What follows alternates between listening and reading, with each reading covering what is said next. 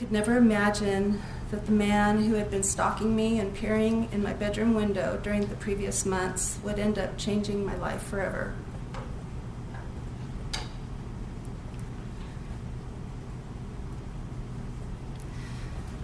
My father caught him twice peering in my bedroom window when he came home from teaching night school and tried to chase him down but was unable to catch him.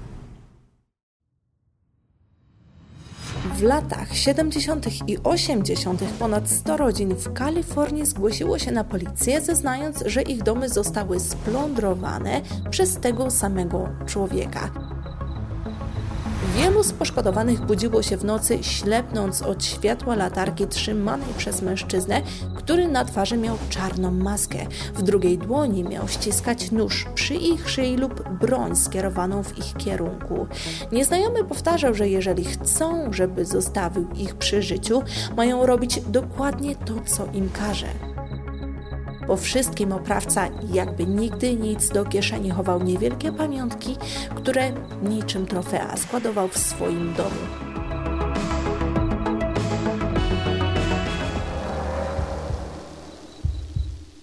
Aż 51 kobiet zostało przez niego wykorzystanych. Większość z nich opowiadała, że do wydarzeń dochodziło na oczach dzieci i mężów, a to, co udało się do tej pory potwierdzić śledczym, to fakt, że ofiar śmiertelnych było aż 12. Witam Was w kolejnym odcinku z serii Krew Róż i tuż tutaj w każdy piątek o godzinie 17 usłyszycie kolejną intrygującą historię kryminalną, a ta dzisiejsza dotyczy The Golden State Killer, przestępcy, którego dzięki rozwoju technologii udało się schwytać aż po 44 latach. Ale żeby do tego doszło, musiało się coś wydarzyć. Dzisiejszy odcinek został zainspirowany przez książkę jednego z najważniejszych bohaterów dzisiejszej historii, detektywa, który doprowadził do rozwiązania tej sprawy i który stał się swojego rodzaju celebrytą w kręgach true crime, Paula Holsa. Całkiem przystojny detektyw dzieli się z nami szczegółami tego sławnego dochodzenia. W książce Nieuchwytnie, jak rozwiązywałem sprawę z archiwum X, dzieli się własnymi doświadczeniami pracy śledczego i pokazuje, co dzieje się za kulisami takiej pracy. Jest to świetna pozycja dla fanów historii kryminalnych, ale również dla osób, które interesują się kryminalistyką. Link do książki znajdziecie pod filmem. W czasie, kiedy klikacie, ja jeszcze podziękuję sponsorowi dzisiejszego odcinka, wydawnictwu Feria Science, który sprawia, że ponownie widzimy się słuchając o kolejnej sprawie. Zbrodniarz z dzisiejszego odcinka podróżował przez Kalifornię i za cel obierał przypadkowe domy. Co utrudniało jego zidentyfikowanie, to fakt, że zmieniał styl popełniania przestępstw i zostawiał fałszywe tropy. Czy był wyjątkowo inteligentny, czy może dokładnie wiedział, jak zachowywać się na miejscu zbrodni, ale skąd mógłby to wiedzieć? Jednak z drugiej strony wyglądało na to, że nie chciał zostać zapomniany. Chciał, żeby go zauważono, ponieważ parę miesięcy po wydarzeniach, a nawet lata później, dzwonił do ofiar i szeptał w słuchawce: Pamiętasz, kiedy się bawiliśmy?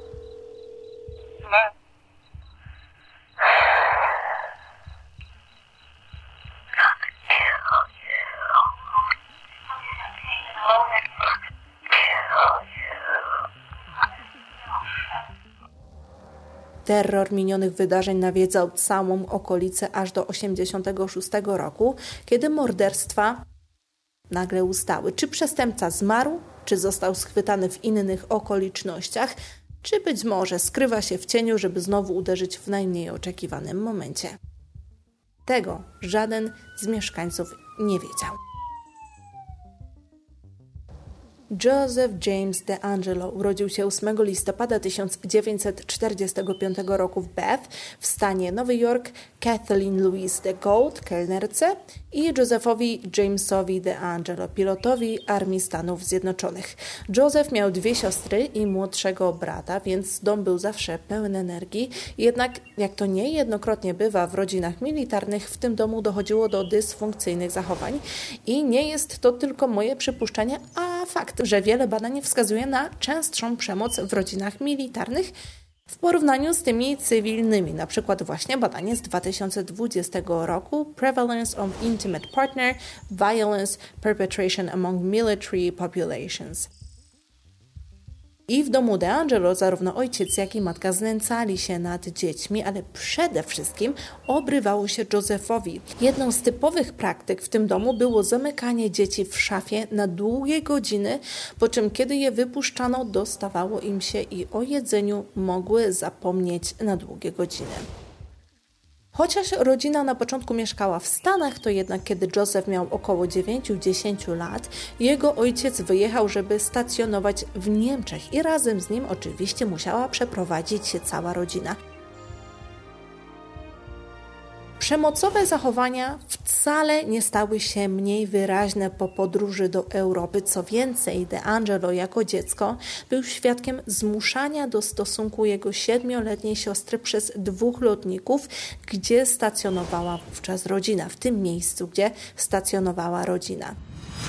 Jeżeli chodzi o zachowanie chłopaka w domu i już w pierwszych latach szkolnych, miał się on ogólnie niczym specjalnym nie wyróżniać na tle innych rówieśników do momentu, kiedy wkroczył w okres dorastania.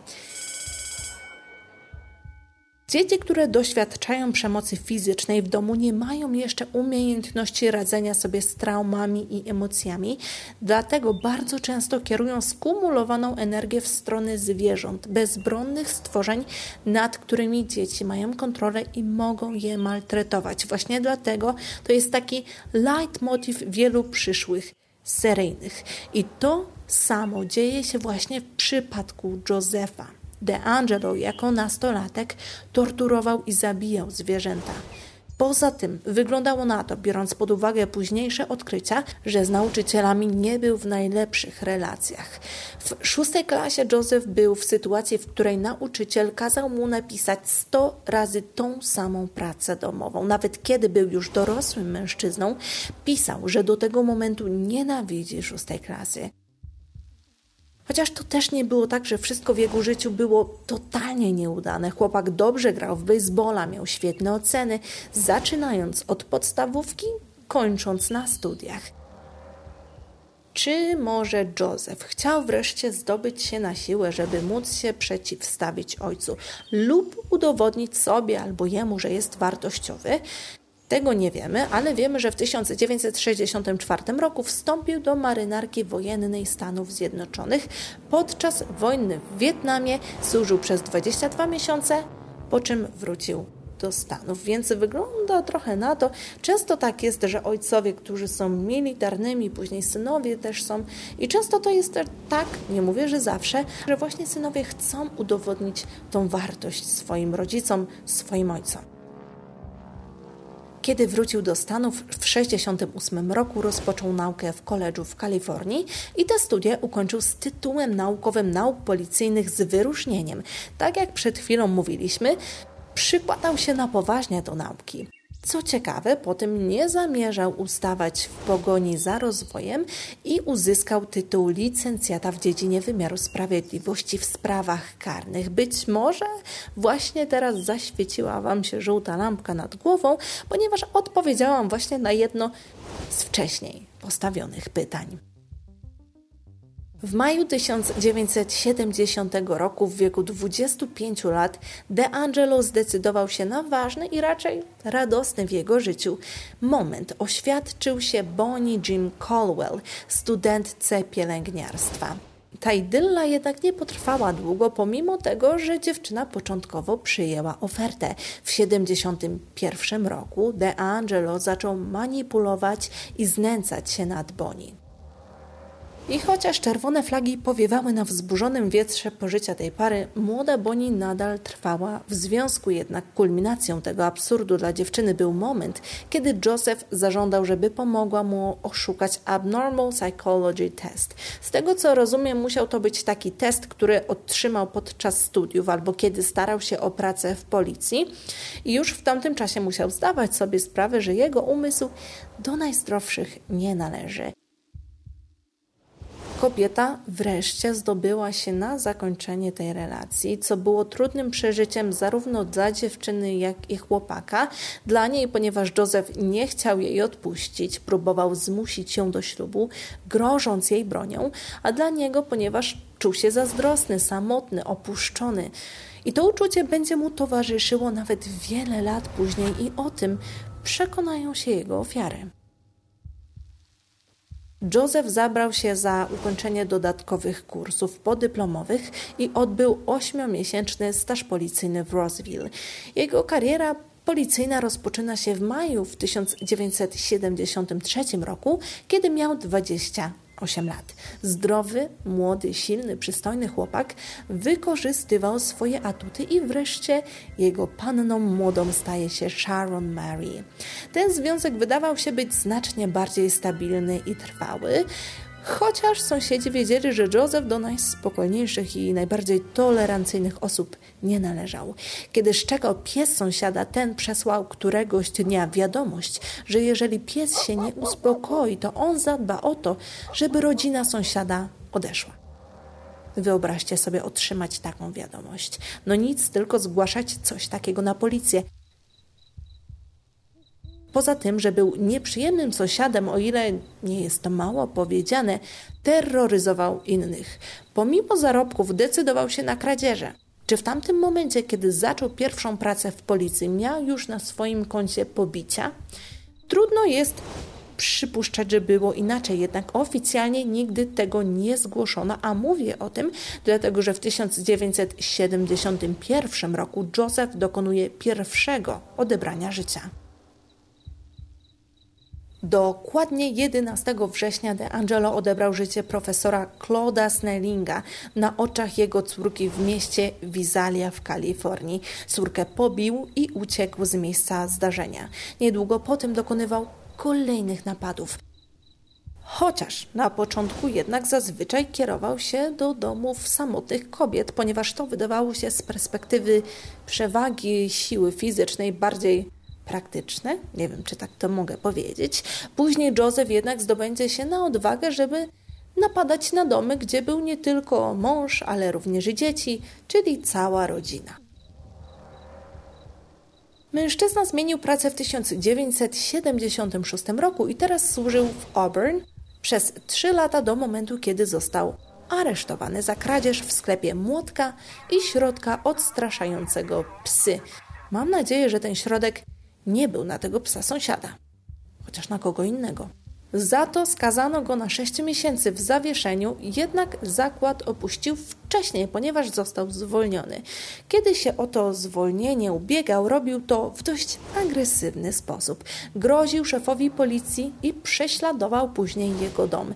Nick Willick miał córkę, która którejś nocy wbiegła do pokoju ojca, krzycząc, że za drzwiami był mężczyzna w masce i świecił latarką w stronę jej pokoju. Kiedy ojciec wyszedł na zewnątrz, zobaczyć, czy rzeczywiście ktoś tam był, zobaczył odciski butów przy oknie jego córki. Na samym początku DeAngelo był nieuważny i jego działania były nie do końca przemyślane, dlatego nie nosił maski. Właśnie przez to ofiary były w stanie opisać jego twarz. W tamtym momencie Joseph miał 29 lat, ale wyglądał bardzo młodo, przez to niektórzy zaatakowani mówili nawet, że wyglądał na nastolatka lub miał około 20 lat. Wyobrażacie sobie, pewnie jak szedł do sklepu, to jeszcze go pytano, czy ma 18 lat, jak kupował alkohol. Poza tym, jak wcześniej rozmawialiśmy, De Angelo miał ogromną przewagę. Studiował prawo, był świetnym uczniem, policjantem i dokładnie wiedział, jak działa policja w momencie poszukiwania sprawcy. Wiedział, jakie trudności i luki pojawiają się podczas działań poszukiwawczych i co powinien robić, żeby uniknąć odpowiedzialności. Joseph wiedział, że niektóre departamenty policji nie kontaktowały się z innymi w kwestii przestępstw, dlatego po tym jak zmienił pracę, pomyślał, że to będzie atut, który wykorzysta. Teraz pracował w Auburn od 1976 roku przez trzy kolejne lata. W końcu, chociaż było ciemno, to jednak jego ofiary były w stanie opisać jego wygląd. Dzięki wcześniej przez niego popełnionym błędom udało się stworzyć portret pamięciowy, który według specjalistów wyglądał bardzo podobnie do tego prawdziwego wyglądu. De Angelo. To musiało przestraszyć Josefa, który teraz wpadł na całkiem sprytny pomysł. Zdecydował się na zrzucenie dużej ilości wagi. Chyba trudno tu zaprzeczyć, że to działa znacznie lepiej niż obcięcie włosów, czy nawet zgolenie brody albo przycięcie wąsa. Dzięki temu możliwość, że zostanie rozpoznany, była znacznie niższa, a w ciągu kolejnych ataków na twarzy nosił maskę. Chociaż wcześniej wspomniałam, że domy, które wybierał, były przypadkowe, to jednak podążał za pewnym schematem, który ułatwiał mu płynne przeprowadzanie akcji. Domy, które napadał, były zbudowane w podobny sposób. Dzięki temu mógł mniej więcej oszacować, jak zbudowany jest dom i gdzie znajdują się poszczególne pomieszczenia. Dodatkowo wybrane miejsca obserwował tak, żeby poznać domowników oraz zrozumieć, w jaki szybki sposób może wyjść i wyjść z domu. Jego przygotowanie było całkiem istotną częścią całości poszczególnych działań, ponieważ malował nawet mapy i orientował się skąd może ukraść rower, żeby później zbiec z miejsca przestępstwa. Wow! Pierwszą rzecz, którą robił od razu po włamaniu się, było przeszukanie toreb, walizek mieszkańców, gdzie znajdował prawo jazdy. Ale po co mu prawo jazdy, jak jeździł na rowerze? Dzięki temu mógł się dowiedzieć, jakie są imiona i nazwiska osób, które mieszkały w tym domu.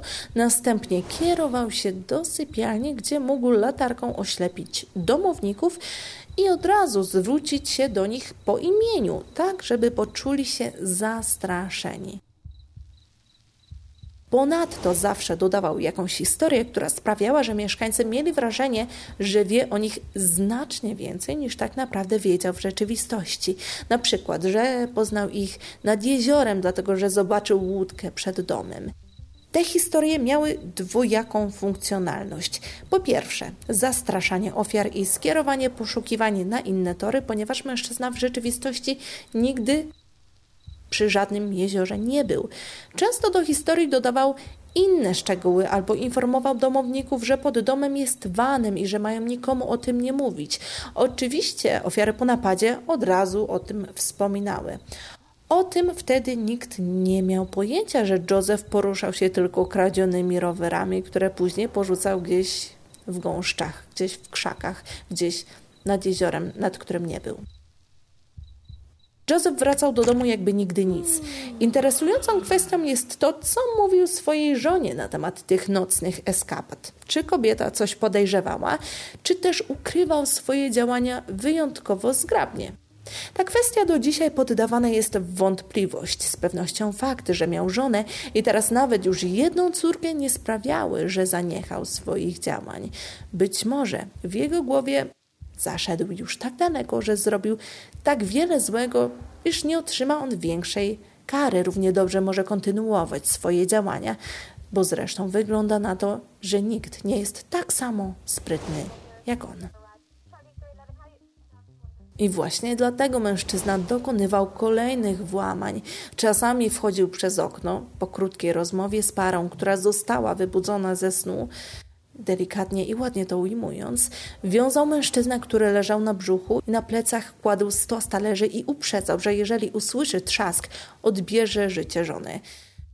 W tych sytuacjach mężczyźni rzeczywiście starali się pozostać bez ruchu, słuchając dźwięków zmuszania kobiety do aktów fizycznych i tym sytuacjom często przyglądały się też dzieci. W jednej z takich sytuacji po wszystkim, kiedy kobieta wróciła już do rzeczywistości, jej córka przestrzegła ją, żeby ta nic nie robiła, ponieważ w cieniu ukrywa się zamaskowany mężczyzna. Przez to ofiary nie wiedziały dokładnie, kiedy Józef opuszczał dom i w bezruchu trwały nawet godzinami. Dzięki temu mężczyzna miał mnóstwo czasu na ucieczkę z miejsca zdarzenia. I rzeczywiście trudno było powiązać te włamania z osobą, ponieważ Joseph zmieniał broń za każdym razem, zdając sobie sprawę, że jest to jedna z ważniejszych kwestii przy określaniu sprawcy. Jednak pojawiła się jedna mała, dosłownie malutka, maciupeńka kwestia, która pozwoliła na powiązanie tych wszystkich napadów z jedną osobą. Joseph nie mógł od tej kwestii uciec. Chodziło o jego przyrodzenie. Wszystkie ofiary, które zostały wykorzystane, opisały je jako wyjątkowo małych rozmiarów, i ta wskazówka stała się jedną z ważniejszych przy określaniu, czy do ataku doszło przez tego samego mężczyznę. Poszukiwany miał wiele przydomków, jednak ten najpopularniejszy to ear, tak samo jak ucho. E, był to skrót od East Area Rapist i The Golden State Killer. Przypuszczam, że w tamtym momencie nikt nie wyobrażał sobie, że ten mężczyzna nie zostanie ukarany za swoje działania przez 44 lata. Joseph był niewiarygodnie sadystyczny. Miesiące i lata po ataku dzwonił do ofiar w dniu świąt i szeptał do słuchawki, że wróci dokończyć swoją pracę. W latach 70. zdecydowano się na zebranie mieszkańców Sacramento, żeby przedyskutować sprawę Ir, mieszkańcy, co zrozumiałe, obawiali się o swoje życia. W tamtym czasie w okolicy sprzedano nawet 6 tysięcy broni, a ślusarze byli na topie, jednak chyba nie każdy był przekonany, że zabójca naprawdę istnieje. Jeden mężczyzna podczas spotkania podniósł się z krzesła i powiedział, że on nie wierzy w tą opowieść, ponieważ żaden mężczyzna nie pozwoliłby na to, by doszło do wykorzystania żony. Wspaniały argument.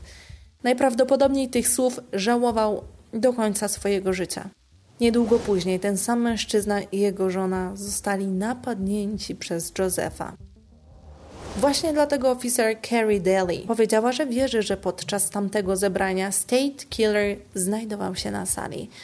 Joseph w swoich działaniach się rozwijał w miarę upływu czasu, związywał zarówno kobiety i mężczyzn, dokonywał ataków seksualnych i odbierał ich życia. Jednak nagle te nocne eskapady ucichły w 1986 roku, a to dlatego, że na świat przyszła jego najmłodsza córka i mężczyzna nie był już w stanie, przynajmniej podobno, prowadzić podwójnego życia.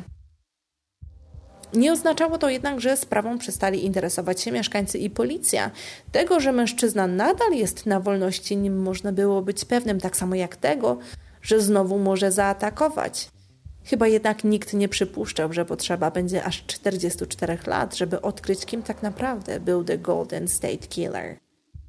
Do odkrycia jego tożsamości przede wszystkim przyczyniły się dwie osoby. Wiodący detektyw, który sprawą zajmował się od dwóch dekad oraz pisarka Michelle McNamara, która w 2006 roku zdecydowała się właśnie na własne dochodzenie, opisanie swoich przemyśleń i podzielenie się z nimi na blogu z czytelnikami.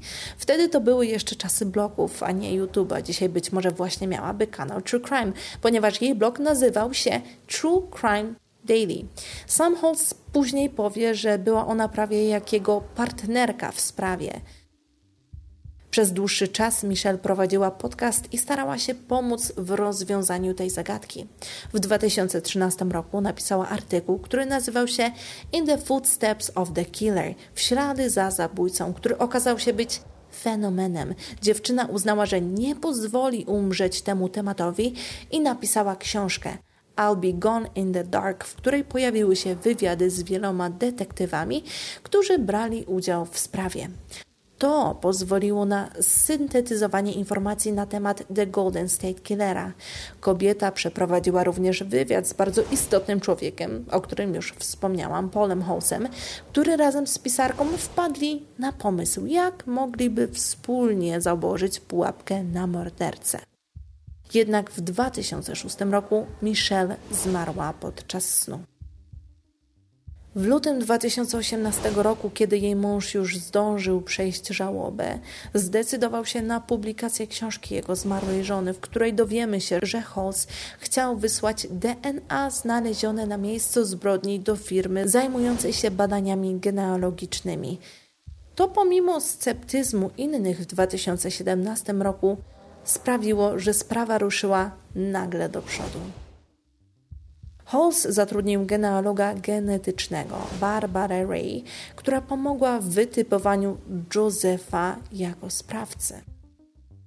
Zazwyczaj w sprawach kryminalnych usłyszymy, że zabójca znajduje się na pierwszej stronie akt sprawy. Nie w tym przypadku, moi kochani, co było dość niespotykane. DeAngelo przez 44 lata nie był nawet podejrzanym i ukrywał się nie ponosząc żadnych konsekwencji za to, co zrobił. Dzień po tym, jak Paul miał oddać swoją odznakę, znalazł się przed domem DeAngelo, ale w głębi serca nie wierzył, że teraz to właśnie jest ten mężczyzna, którego szuka. W swoim życiu natrafił już na tyle fałszywych tropów w tej sprawie, że wydawało mu się to niewyobrażalne, że to właśnie DeAngelo mógłby być tym, kogo szuka. Sam spoglądał na dom mężczyzny i nawet przez chwilę chciał wejść do środka, zapytać DeAngelo, czy wie cokolwiek na temat próbek DNA albo tej sprawy. Jednak z drugiej strony zdawał sobie sprawę. Wiedział, że żeby potwierdzić to DNA potrzeba będzie czasu, dlatego zdecydował się poczekać na wyniki, nawet pomimo tego, że jego kariera dobiegnie już końca, zanim te wyniki się pojawią. Gdyby skonfrontował się z DeAngelo i jeżeli to on rzeczywiście byłby sprawcą, to miałby czas na ucieczkę lub popełnienie samobójstwa. Dlatego zamiast tego grupa policjantów została przypisana do podążania za mężczyzną w miejscach publicznych w celu zebrania jego DNA, po to, żeby później je porównać i mieć już 100% pewności, że to właśnie on, Joseph DeAngelo, był odpowiedzialny za zbrodnię. Wreszcie doszło do tego dnia, w którym pojawiły się wyniki badań DNA. Te wskazywały na 100% zgodności. W 2018 roku DeAngelo został zaaresztowany w domu i tego w ogóle się nie spodziewał. Jednak nie zaprzeczył, że to on jest The Golden State Killer. Za to spokojnie odpowiedział: W piekarniku jest pieczeń. W momencie, kiedy został zaaresztowany, dom dzielił z córką i wnuczką, które nie miały najmniejszego pojęcia o tym, co zrobił w przeszłości. Mężczyzna, odkąd został aresztowany aż do sprawy na sali sądowej, nie powiedział absolutnie nic. Milczał, mając nadzieję, że policja nie ma wystarczająco dowodów, żeby go skazać. Co jest wyjątkowo ciekawe w tej sprawie, to fakt, że jego żona, chociaż przez lata z nim nie rozmawiała, nigdy się z nim nie rozwiodła i właśnie dlatego spekuluje się, że zrobiła to, ponieważ mogła zdawać sobie sprawę z tego, co zrobił w przeszłości. Z pewnością zdawała sobie z tego sprawę, że jeżeli się z nim nie rozwiedzie, nie będzie musiała zeznawać w sądzie, ponieważ była jego żoną i ponieważ była prawnikiem specjalizującym się w rozwodach. Mężczyzna w czasie, kiedy został aresztowany, miał już 72 lata. Jednak pomimo tego jego sąsiedzi twierdzili, że fizycznie zachowywał się jak 50-latek, często przechadzał się bez problemu. Jednak pomimo tego na sprawie zdecydował się przyjechać na wózku inwalidzkim i udawał, że był wątłym mężczyzną, który nie miał pojęcia, co się dzieje. To była jego ostatnia deska ratunku, ostatnia próba, na którą nikt się nie nabrał, oczywiście. Podczas ostatniego przesłuchania mężczyzna nie grał już dłużej, stał o własnych nogach, będąc w obecności policjanta. W tamtym czasie nadal policja zbierała informacje na jego temat i jego przeszłości. W jego domu znaleziono pamiątki, które zabrał z domu ofiar i wreszcie w sierpniu 2020 roku został skazany na karę dożywotniego pozbawienia wolności bez możliwości zwolnienia. Wow, Kochani, to wszystko w dzisiejszej sprawie. Nie zapomnijcie o książce Nieuchwytni, jak rozwiązywałem sprawy z archiwum X, w której poznacie znacznie więcej szczegółów na temat tej bardzo interesującej sprawy i innych rozwiązanych spraw przez Paula Holsa. Świetna pozycja dla fanów historii kryminalnych i tych, którzy kryminalistyką się interesują. Kochani, dziękuję Wam niezmiernie za bardzo miły odbiór poprzedniego materiału. Doceniam Wasz wkład i czas, który poświęcacie na zostawienie komentarza pod materiałami. Dziękuję Wam bardzo za wysłuchanie odcinka i kto wie, być może do usłyszenia za chwilę w kolejnym. Ciao. Beijos.